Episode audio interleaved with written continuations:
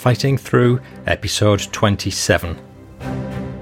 Veterans Bennett and Cheall remember D Day.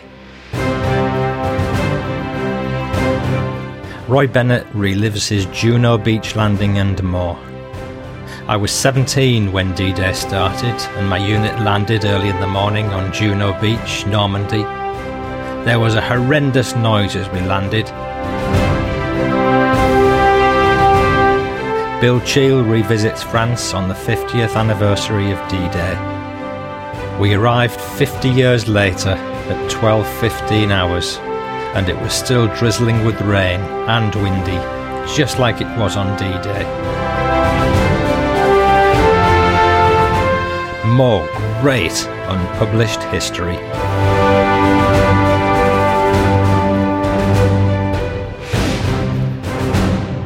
Hello again, I'm Paul Cheall, son of Bill Cheall, whose World War II memoirs have been published by Pen and Sword in Fighting Through from Dunkirk to Hamburg. The aim of these podcasts is to give you the stories behind the story. You'll hear first-hand memoirs and memories of veterans connected to Dad's war in some way, and much more. This episode's going to revolve around a note my dad did about the 50th anniversary of D-Day celebrations in France in 1994. So it's an old soldier's memories of a very emotional few days where he revisits old ground that he'd visited 50 years ago. And reading it certainly brought a few tears to my eyes, I can tell you. But first, I've got a surprise extra, in some ways the main event, because hot of the press, some kind person has just sent me a first-hand memoir of Juno Beach, would you believe? So this is going to be not only of interest to Brits, but also to Canadians, both of whom landed on Juno Beach. You know, it's funny how much I've learnt doing Dad's memoirs because years ago I'd never even heard of Juno or gold for that matter. Yet here I am trotting them off the tip of my tongue like I was, well, my dad. Um, I'm not a pro historian, but uh, my material is uh, produced by experts because it's the people who experienced these events firsthand. So we're getting genuine, unpublished history from the horse's mouth. Jonathan emailed me just a couple of weeks ago. Can I firstly say how much I enjoyed your podcasts? I've listened to all of them at least once and I've even bought the book. I wonder if the attached brief memories of an RM48 Royal Marine Commando might be of use for a podcast. Uh, Roy Bennett's my friend's father, and he's still alive and well at the ripe old age of 92. That's 2018. He's a D-Day veteran and went through the war largely unscathed, except for the emotional scars that I'm sure every man who served must have felt. As such, Roy's never really spoken much about his time in the army. Just recently, however, he's put pen to paper and I attach his memories of his time during the war years. Roy's an excellent writer despite his advancing years. After the war, he became a copywriter, which I think is evident in the way he writes. These notes have never been published, and I think they make for an entertaining read. I am trying to get him to write more, but he isn't keen to write graphic accounts of his time during the war. He simply says these things are better left in the past and too painful to put in writing. Best regards, Jonathan Hill. Jonathan, I can't tell you how chuffed I was to get your email, and I think Roy's memoir is terrific, and it, it, makes the perfect accompaniment to Dad's record of his visit to France 50 years after it all happened. Jonathan, many thanks for buying Dad's book. If you let me have your address, I'll send you a photo, souvenir or two to use as a bookmark in Dad's book. And that offer goes to anyone else who would like the same. Just drop me a line either through Twitter or Facebook or email. All the links are on fightingthroughpodcast.co.uk. In fact, everything to do with my podcast is on this website. Contact, social media, links, photos, show notes, the lot. Take a shifty listener. Maybe you'll enjoy some of the videos I've posted up as well, like of Gold Beach, or the Dunkirk Mole, which featured in the Dunkirk movie. I can't believe I've actually stood on it because the first time I went to France, I couldn't even find it. Mind you, it was Paris I was visiting. anyway, in answer to your question, Jonathan, would Roy's memoir be of use for the show? Well, I can say with typical British understatement, yeah, just a bit. and we'll get onto it shortly. Feedback time. Um, I'd like to give a shout out to several listeners who've given me feedback on iTunes recently. Thank you to the Ogdens from Ireland and Burns B3 from USA for your very kind comments, together with Blaine from Oregon who offered some really nice constructive comments about the music volumes, uh, sometimes being a bit high. Blaine, thank you for this. I do know how irritating it can be when this happens, and I've recently started to tone down the music another notch or so. Um, I hope in this episode it's about right. So, uh, please let me know. Thank you very much. Uh, Sergi de Gries from UK has said, what a moving experience it's been listening to the awe inspiring Fighting Through podcasts. Hearing the individual witness accounts of familiar and not so familiar events from the two world wars has made the history real to me in a new way. My uncle served on the destroyer HMS Walker, and my wife's grandfather was a Lancaster pilot during World War II. Your podcasts have allowed us to connect with their world in a new way. Living history. The community aspect to your work is particularly moving and impressive. I've shed a few tears listening to some of the accounts from your dad's memoirs and others. Many thanks and please keep them coming. A big thanks to you for that, Sergi. I loved your living history comparison. Um, and I think you're dead right about that. Uh, talking about the Dunkirk spirit, which I wasn't, but I will now. I'm very conscious that the UK and a lot of Europe is at this very moment in the grips of a very cold spell of weather. We're covered in snow and there are accidents and emergencies everywhere. The army has even been out rescuing people stranded on motorways. So if it's like that for you, show a bit of Winston's so-called Dunkirk spirit and spare a thought for older people in need who might live nearby. And if you're lucky enough to have a garden, make sure the birds have water and food. I've been amazed what's been in my own garden, but I won't talk about it now because that's somebody else's podcast. Moving on and moving on to the Marines. On D-Day, some Marines became landing craft crew and saw extensive action, and they get mentioned by Brian Moss in his D-Day memoir, episode 2. Take a listen if you've not heard it and learn how Marine Corporal George Tandy was awarded the Distinguished Service Medal for his actions on D-Day. Just great stuff. And Brian Moss's memoir is terrific. The most amazing action.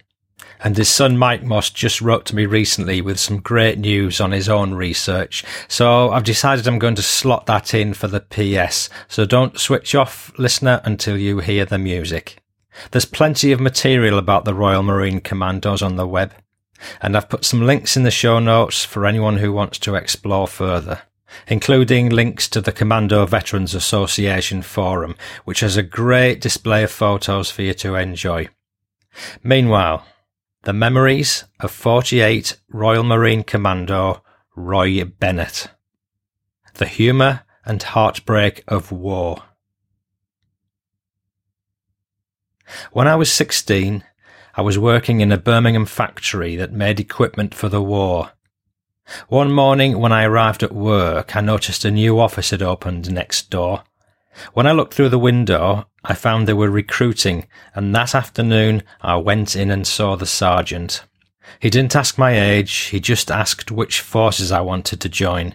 I replied, the Royal Marines. When he asked why, I replied, because they're the best, sir. He seemed surprised, but I said I would have a letter in ten days. He was right. The letter arrived to tell me that I had to appear at the Royal Marines head office in Portsmouth for a medical. I passed the medical and was very happy that they wanted me. I hadn't told anybody in my family that I'd signed up, and when they heard the news, they were very shocked that at 16 I was in the Marines. My grandmother was particularly upset. I went off to Portsmouth, and after initial training at Eastney Barracks, we moved on to Fort Gomer in Gosport. There were a number of forts built during the Napoleonic War to house French prisoners. Some were at sea, this one was on dry land. It had walls eight inches thick and smelt musty. It was reopened during the Second World War to house Italian prisoners taken in the desert, but was condemned by the Red Cross, so they put Marines in instead. We finished our basic training there. One day, three of us were detailed to report to the cook sergeant. I want you lot to go to the orderly room and pick up a cheese. It's for the officers' mess, but I want you to bring it here. Be careful because it's very heavy. Do you understand? Looking very subdued, we replied, Yes, Sergeant. When we arrived at the orderly room, we found that the cheese was round, huge, and covered in hessian. It took three of us to control it as we set off to roll it to the galley. All around the ground was rough and the path to the galley was narrow. When we got to the narrow part, which was about ten feet above a brook that meandered through the area, we had a problem. As young lads, we were laughing and joking about things in general when the huge cheese threw a wobbler on the uneven ground. It started to go from side to side, and we were unable to control it. Horror of horrors! It went over the edge and tumbled down into the brook below, where it lay on its side in the water. Looking back today, it sounds hilarious, but we recruits were frightened to death to tell the cook sergeant. We managed to get it out of the water, and in the break period, we got some of the squad to help us get it back on the path when we tried to dry it off with loads of towels. In the meantime, the cook came looking for his cheese and was not a bit interested in our story. But the next morning, we found ourselves outside the orderly room again, where we were all given three days confined to barracks by the adjutant for carelessness in charge of War Office property. After our next leave, we were moved to the Royal Marine Depot at Deal in Kent for the next phase, which was tactical training. One day a shell from one of the big guns near Calais landed on the parade ground just as a Marine was walking across. He had to have a leg amputated, and that really brought it home to us how close the Germans had really got to our country. At Deal, there was a sadistic drill instructor who loved to humiliate the recruits. One was a 17 year old volunteer from Devon who had the misfortune to have the name W.C. Brown.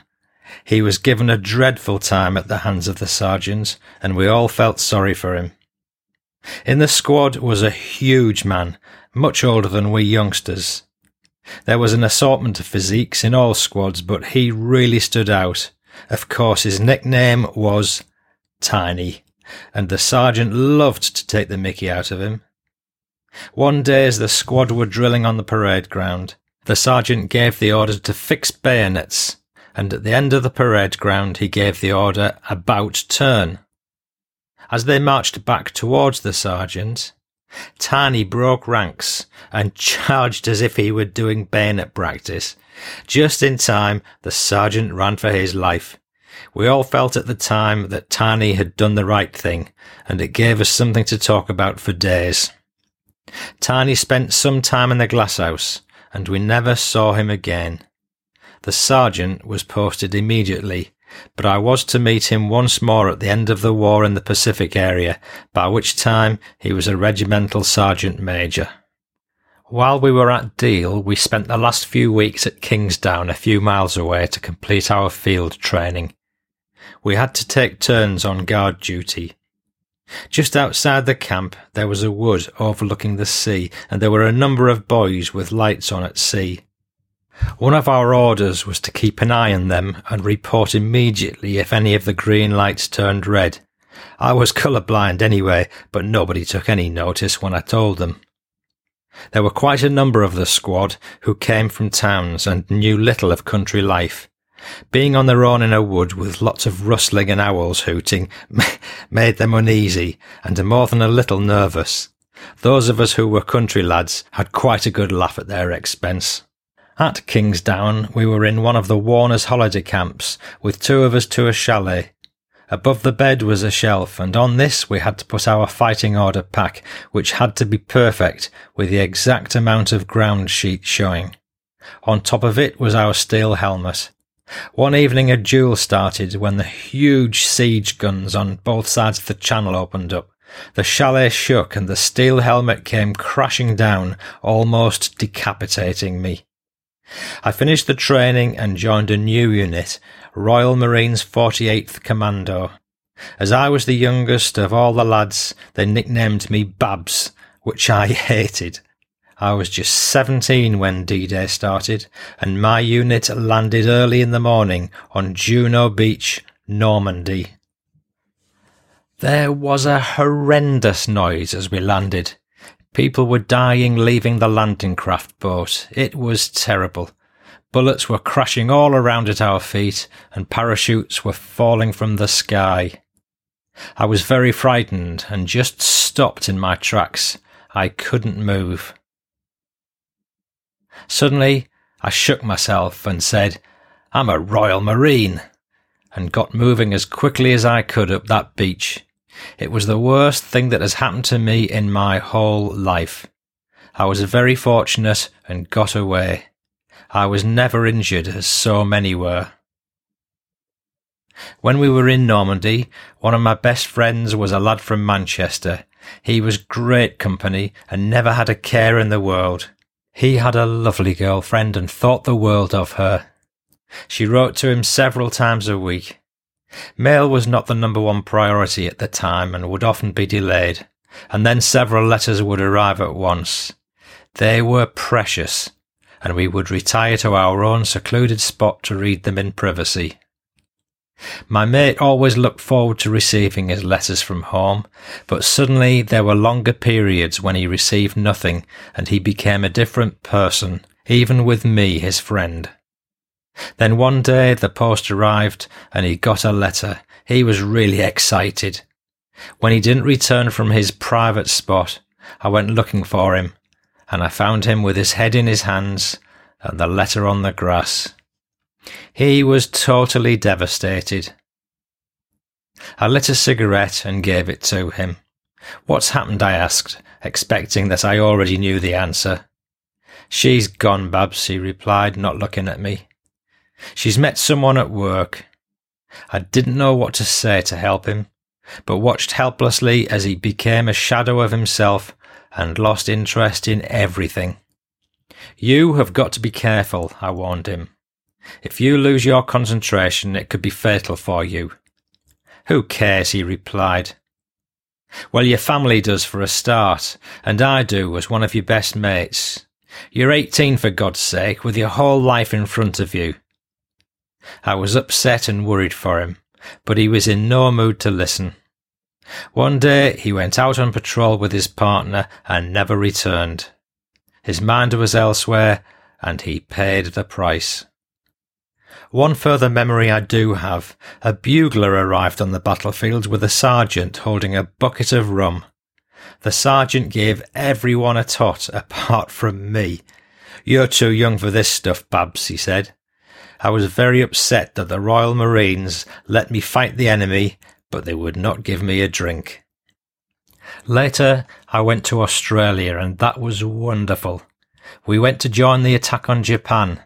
But on the way, we were told that the war was over, and that was such good news.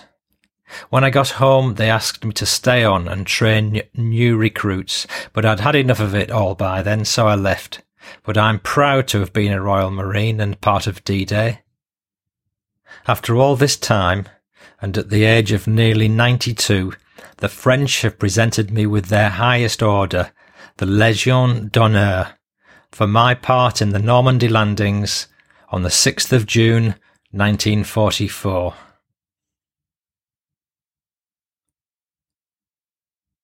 Listener, that's the end of that story. I must say thank you to Jonathan Hill for sending me this memoir, and Roy, thank you so much for making the effort to write those memories down. They are absolutely priceless, and I hope people will be listening to this podcast for many years to come. So you'll go down in history, my friend.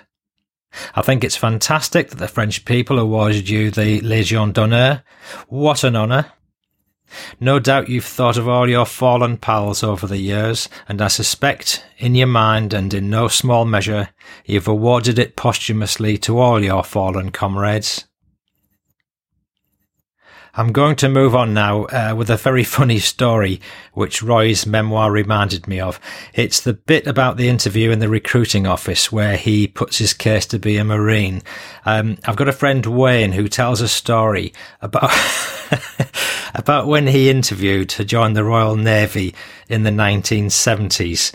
Um, he would have been in the uh, recruiting office. Uh, he's done all the paperwork, and then he's in front of the recruiting officer, and uh, the recruiting officer asks him, not unreasonably, could he swim? And Wayne says, "Why do you ask? Are you running out of ships?" Well, so, needless to say, Wayne didn't get uh, taken into the ranks of the Royal Navy. Um, but the funny thing is that at the beginning of the war, stores and equipment were so poor that Wayne's retort might not have been seen as being so inappropriate. But thank you for the chuckle you've given all of us on that one, Wayne. You're listening to Fighting Through, episode 27. Veterans Bennett and Cheall remember D-Day. Listener, I'm now going to read from Dad's diary of his visit to Normandy in June 1994. I went with him and my brother-in-law David. Friday, 3rd of June, 1994. After a rather rough crossing of the Channel, we arrived at the cottage at 2200 hours. David lit a roaring fire in no time at all to put some warmth into the place. It was a good cottage, three good sized bedrooms, a large lounge, kitchen, and dining room with a bar, all spotlessly clean. We had a light supper and a glass of wine, and since it was getting rather late and I knew that there was a busy few days ahead of us, I went to bed feeling happy and content, leaving Paul and David to chat. Saturday, 4th of June. The day dawned. It was drizzling with rain, very chilly and windy. The outlook was not very encouraging for us. Leaving the cottage at 0930 hours, we drove to Arromanches, where part of our 50th Division assault, codenamed Item, had taken place. We arrived at 12.15 hours and it was still drizzling with rain and windy, just as it was on D-Day. We parked the car on the hilltop overlooking the sea, and down below but to the left nestled the town of Arromanches. Despite the rather inclement weather, visibility was good enough for us to have a good view of the remains of the Mulberry Harbour. It's incredible that it had survived the buffeting of the sea for the past fifty years.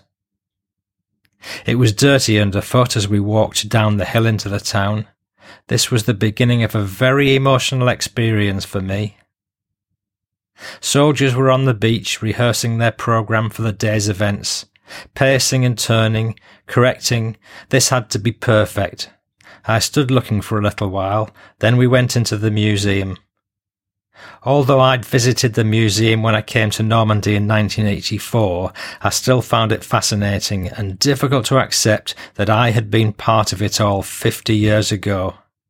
We left Arromanches behind, and after about a mile, we arrived at a spot where our B company had waded ashore through the surf onto the beach at 0725 hours on the 6th of June 1944. Gold Beach. And it all came back to me so vividly. D Company on our right, and the spot where Stan Hollis won the only Victoria Cross to be won on D-Day. I saw that knocked out tank on the beach, and all the dead and wounded lads lying around, and the shelling and the mortaring. I turned around and I could see all those ships at sea, Listener, in more recent years, I've made a short video tracing the path and actions off Gold Beach. You'll find a link to it in the show notes. It's on the website fightingthroughpodcast.co.uk. After taking photographs, we had to leave to travel to our hotel, St. Christophe, which was about 100 kilometres away. It was the nearest hotel we could get because all the hotels in Bayeux had been fully booked for years. However, it was a cosy small hotel, only six ensuite bedrooms. It was a delightful place in only a small attractive village of the same name as the hotel. After our meal, I sat with the boys who'd paid for me to take this sentimental trip and were really looking after me. I was enjoying the comfort surrounding me, but by now I was feeling a little drowsy and decided I'd leave the boys to chat. We'd indulged in a good meal and wine, and it was 22.25 with a busy day ahead, so I retired happy and very contented. Sunday, 5th of June. The sun blazing through my window woke me up at 0630, and I hurried to dress so that I could go for a walk while the lads still slept. I went for a two mile walk along a country lane up an incline. The cows were grazing and the corn was standing upright. It was a beautiful morning. After taking some photographs, I returned to the hotel to awaken Paul and David, since we had a full day ahead of us. We parked the car on the outskirts of the town and walked the short distance into Bayeux and sat at a pavement cafe for coffee and more photographs.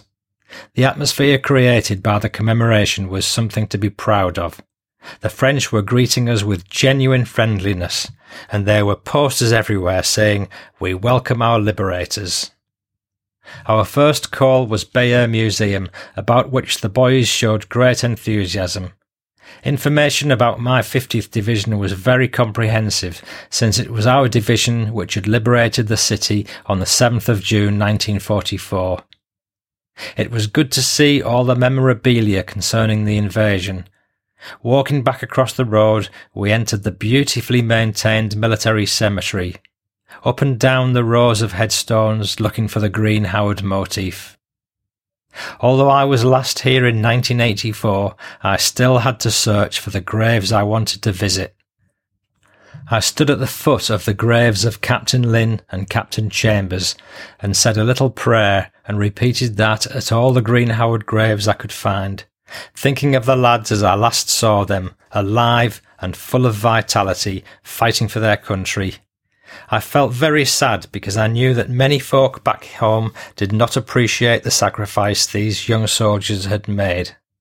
Walking back into town, we visited, as in 1984, the Lion d'Or Hotel, which had been a favourite haunt of senior German officers during the war, and where I'd stayed ten years ago. Where had these past years gone to? As one gets older, the swift passage of time is almost frightening. I then recalled the way to the plaque on the wall which had been put up by the city, telling the world that the 50th Division had liberated the city on the 7th of June 1944. I felt very proud to have been part of it. Again, we took photographs. We stopped at a pavement cafe where I enjoyed a good helping of chips. The lads had something exotic, but I can't recall what it was. The sun up to now had shone beautifully. It made such a difference. The day was perfect, and the lads looked after me with the love which I know they have for me. It was time to get back to our hotel in time for dinner. It had been a great day, and I knew that I was lucky to be alive to experience it. Monday, 6th of June, 1944. It's been a memorable day, particularly for me, but for the boys too, who were taking part in a day of history, a day of sadness and pageantry the like of which will never be seen again. We'd left our hotel early in order to follow the itinerary which had been organised by the authorities. Arriving at the park and ride where buses were waiting, and young French soldiers and policemen, all showing the utmost courtesy towards us for the occasion. We had to walk about 400 yards to the graves, and also to find a good vantage point on the route through the cemetery in order to see the Queen and ceremonial. There was much jockeying, but we did manage a good position. During the next hour, we saw the Queen and Prince Philip, followed by Prime Minister John Major and his wife, Douglas Hurd, and many other important people. Then the Queen and Philip came down the centre of the cemetery, passing in front of us, making their way to the main ceremony about 100 yards away. The proceedings were all relayed to us, and the atmosphere was heavy with emotion, which was to be expected. Right in front of us stood four French soldiers, and at the end of the ceremony they played the last post. It sounded magnificent. By now, Paul had left David and I. He was on the hunt for good photographs and was very successful. The royals came walking back and mixed with the veterans. Several times I was so close I could have touched the Queen, but for her bodyguard. These proceedings took about two hours, after which we made our way back to the buses, passing the Duke of Kent, and after a little delay were taken to Arromanches. Arromanches is only a small seaside town situated at the bottom of a hilly coastline. The beach is flat and ideal for the purpose for which it was used in 1944. The place was crowded with many thousands of veterans and the local folk. I found myself a place amongst a rather chaotic column of veterans and strangely enough noticed a chap with a green Howard badge and discovered that he'd been in the 7th Battalion. I was in the 6th. Over the years, he too had had similar experiences to me. The column moved very slowly down the slope to the beach, which was still very wet, the tide having not long gone back. The local folk had long ago claimed their own vantage points overlooking the beach. Also, there was a large stand overlooking the parade area, I believe it was mainly for the benefit of those rather too old to take part in the march past, and also for the invalids. They were all giving us a tremendous welcome, showing their gratitude for the liberation of fifty years ago, clapping and cheering continuously. Paul went off again to take some more photographs, while David, representing his dad who'd been in the RAF, and myself, remained in the column and made our way to an allotted place on the beach. We were walking in water, the beach being so flat. Seaward, the backdrop to the proceedings was the remains of the Mulberry Harbour, whilst in the shallows stood a large tank landing craft, bow doors open, just as it would have been all those years ago. Many other ships were out at sea. Facing back towards the town, I saw a solid sea of faces, everybody enjoying this day. The thousands of veterans formed up on the sides about eight deep, facing the dais in the centre. The band was playing. After about one hour, the Queen's Land Rover came down the ramp on the left, and the populace cheered mightily. The Queen and Prince Philip in one vehicle, and then Princess Margaret and Princess Anne inspected, well, not really inspected, but drove down the columns of veterans very slowly, stopping now and then. The Mayor of Arromanches gave an excellent speech. Then the Queen gave a very emotional speech, during which she faltered at times, feeling emotional when she referred to the sacrifices made fifty years ago. The band struck up, playing some very emotional tunes for the ex-soldiers to join in, but I'm afraid my feelings gave way to the occasion, and I just thought my own thoughts of the 6th of June, 1944. The whole atmosphere was heavily charged. Now it was time for the march past the royals. The dais was an hour left, about fifteen yards away. Prince Philip was stood to attention and saluting us the whole time.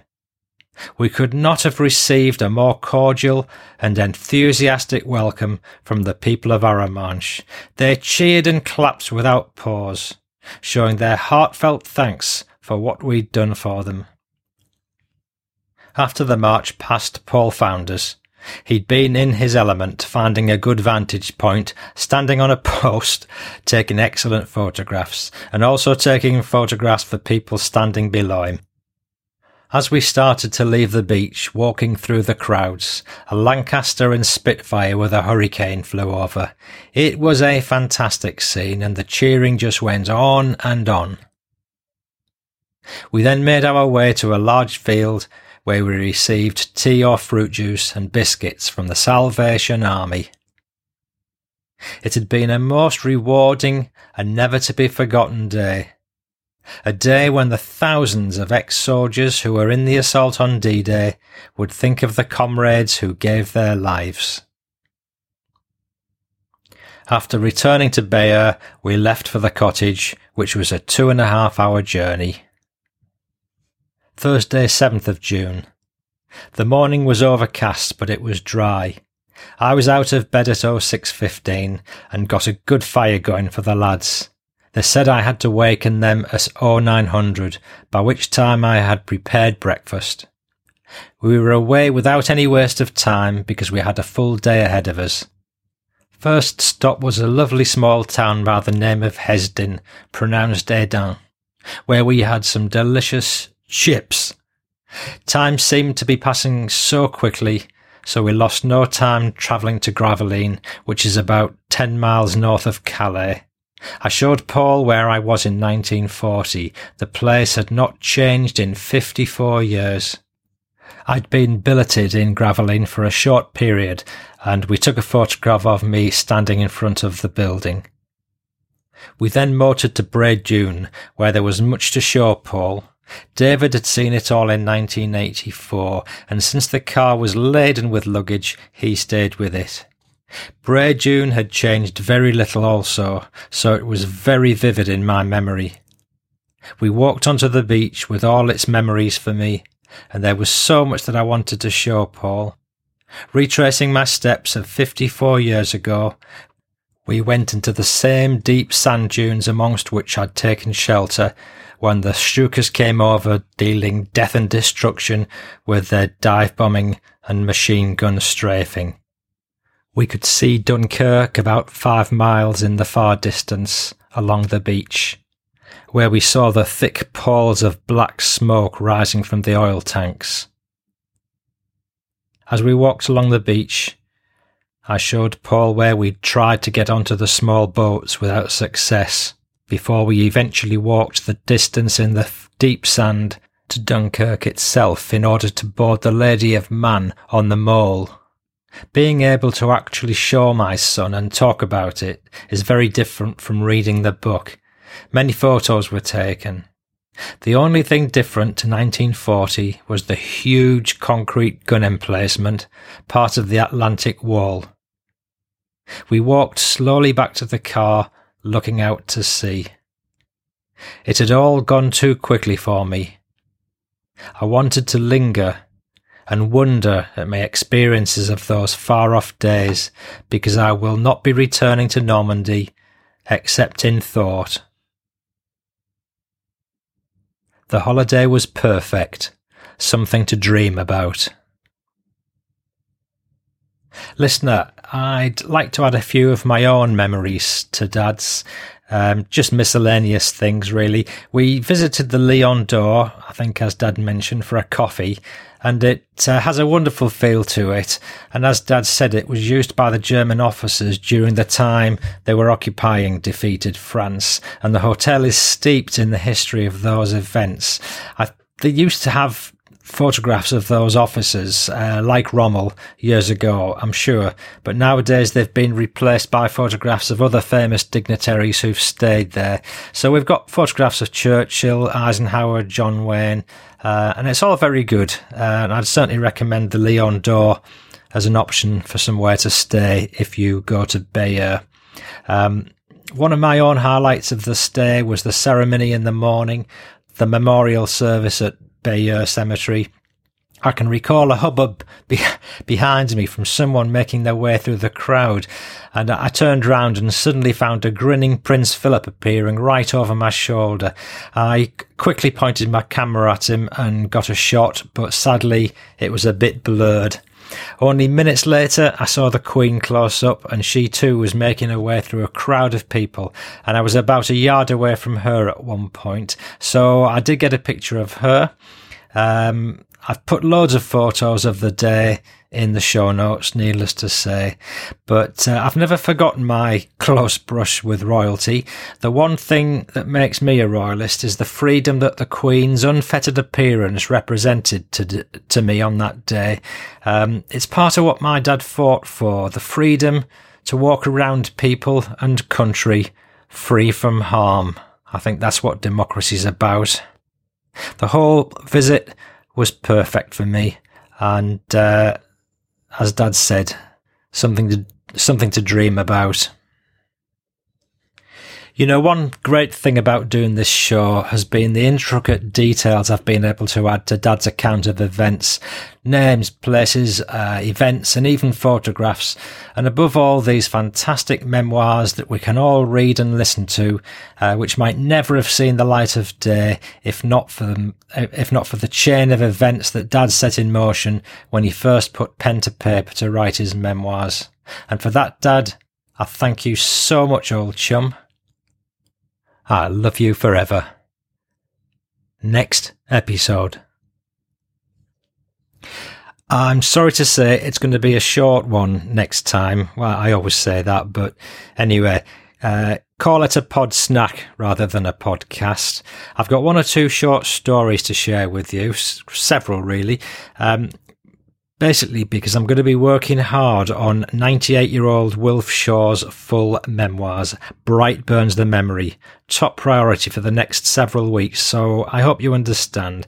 It's going to be an audio book. So, uh, Abby, if you're still listening, you were the one that was chasing audio books. I know you're after my dad's and hopefully that will come. But uh, anyway, I'm very excited by Wilf's memoir. Uh, there's still quite a bit of work to do on it, but more details to follow. It will include a lot of material you've never heard before, and Wilf had a knack of expressing things on paper which somehow finessed whatever he talked about, and, and he was funny when he spoke. So, if I can keep a straight face, I hope to get his very precious works out in the foreseeable future. Uh, now, just by admitting it in public, I now know I'm going to have to deliver. In the meantime, keep a lookout for my pod snacks. You've been listening to the Fighting Through podcast, episode 27, Veterans Bennett and Cheall, Remember D-Day. Please do hear me next time Here's the PS. This is coming from Mike Moss, who just wrote to me uh, with some fascinating news on his own research. Stuff to do with retreading his father, uh, Sergeant Brian Moss's escapades in the 233 Field Company, the Royal Engineers. Uh, they were working very close to Dad's Green Howards and particularly the 5th East Yorks. If you've not heard the episodes depicting Brian's memoirs on the London Blitz, North Africa and D-Day, then you are missing a treat. So if you're enjoying the show, I do commend you to catch up on those episodes. It doesn't get much better than that. I'll put some links in the show notes and, uh, this is what Mike, who's Brian's son, is now living in Canada. This is what he said. Dad had a phenomenal memory, and while much of his diary was written from memory in the mid 80s, he also made dozens of sketches at that time to illustrate various scenarios. Two decades later, after his death, I used many of those sketches like treasure maps as I went on several quests to follow his footsteps. First to sites in London where he'd started with the Royal Engineers in an unexploded bomb disposal company, Familiar sights, but by then I'd already been living in Canada for 25 years. In later trips, I travelled through Sicily, and on another I went from Gold Beach in Normandy through Belgium and into Holland, following their route in Operation Market Garden as far as Nijmegen, where a butterfly bomb finally took Dad out of the war in September 44. Some of the sketches were in rather poor condition, so I digitized them and I've been restoring them, replacing text and adding colour. I intend to use these to illustrate a book based on his diary. It's been a very long project, interrupted by several other writing projects. During my travels, I visited Commonwealth war grave sites where Dad's former comrades were buried and photographed their headstones. Incredibly, along the way, I found two men still living who remembered Dad, one in Sicily, in a village where Dad had taken their surrender in a sort of comic opera after the horrors of Primosole Bridge. The second was on the Dutch border where Dad's platoon had stopped overnight in a hamlet. The homeowner remembered how he'd given Dad some eggs in exchange for cigarettes. He took me in and showed me where Dad had slept that night, the only night in the war where he had accepted such an offer of a real bed from a civilian. Fifteen years ago or thereabouts, I traced Spencer Crookenden, who was then still alive. I spoke to him on the phone. He denied having been known as Kicking Straps, but I'm convinced the nickname was correct. It certainly sounds right. I managed to find the precise location where Dad and his men sought and destroyed three Sturmgeschütz tanks, Stugs, parked line astern on a track near a railway line. Before even going to Sicily, I'd studied the area on Google Earth and identified the likely spot. Sure enough, it was just as he'd described. Sixty plus years later, a signal box still lay in ruins from the exploding Stugs.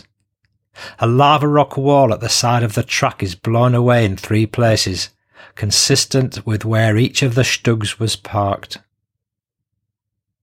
After my return from Sicily, I actually managed to trace one of the tank commanders, still alive in Bonn, and I came to understand how these assault guns had been abandoned. The only chapters of the diary I've not pursued in these quests is North Africa. I was warned that some of the areas I might want to visit were still mined. This was in the days before Libya and its neighbours became a newly dangerous place again, so I doubt I will ever make those trips now. I've photocopies of the 233 War Diary, and I can tell you that other than describing where they were on a particular day and what significant actions had been joined, I was a bit disappointed by the lack of detail. NCOs are not usually named even when they were killed. The butterfly bomb event that seriously wounded Dad only named him as an NCO, and his colleague who was killed was referred to as one other rank killed. Only the officer, a Lieutenant St. John, was named. For all those subsequent decades, Dad thought the officer had been killed, but the war diary states he was wounded, and I could find no record of him as being listed as a fatality either in Holland or the UK. After being taken to a casualty clearing station, Dad was airlifted days later to a hospital in Wiltshire. By happenstance, a nearby village would become home to our family 15 years later. My biggest regret is that I didn't start the trips until after Dad's passing. Somehow visiting those once dangerous places helped me understand what had shaped him to become the man I knew and loved. Well, listener, I've been privileged to read Brian Moss's diary, and it is terrific. I still, I still listen to the shows I did in his memoirs, and I never tire of listening to them, even the drone of my own voice. So uh, I do hope one day Mike's ambition to get it published will be realised. If it is, you'll certainly be hearing about it on the show. And Abby, if it makes audio book, I'll write to you personally. For now, I'm Paul Cheall saying bye bye now.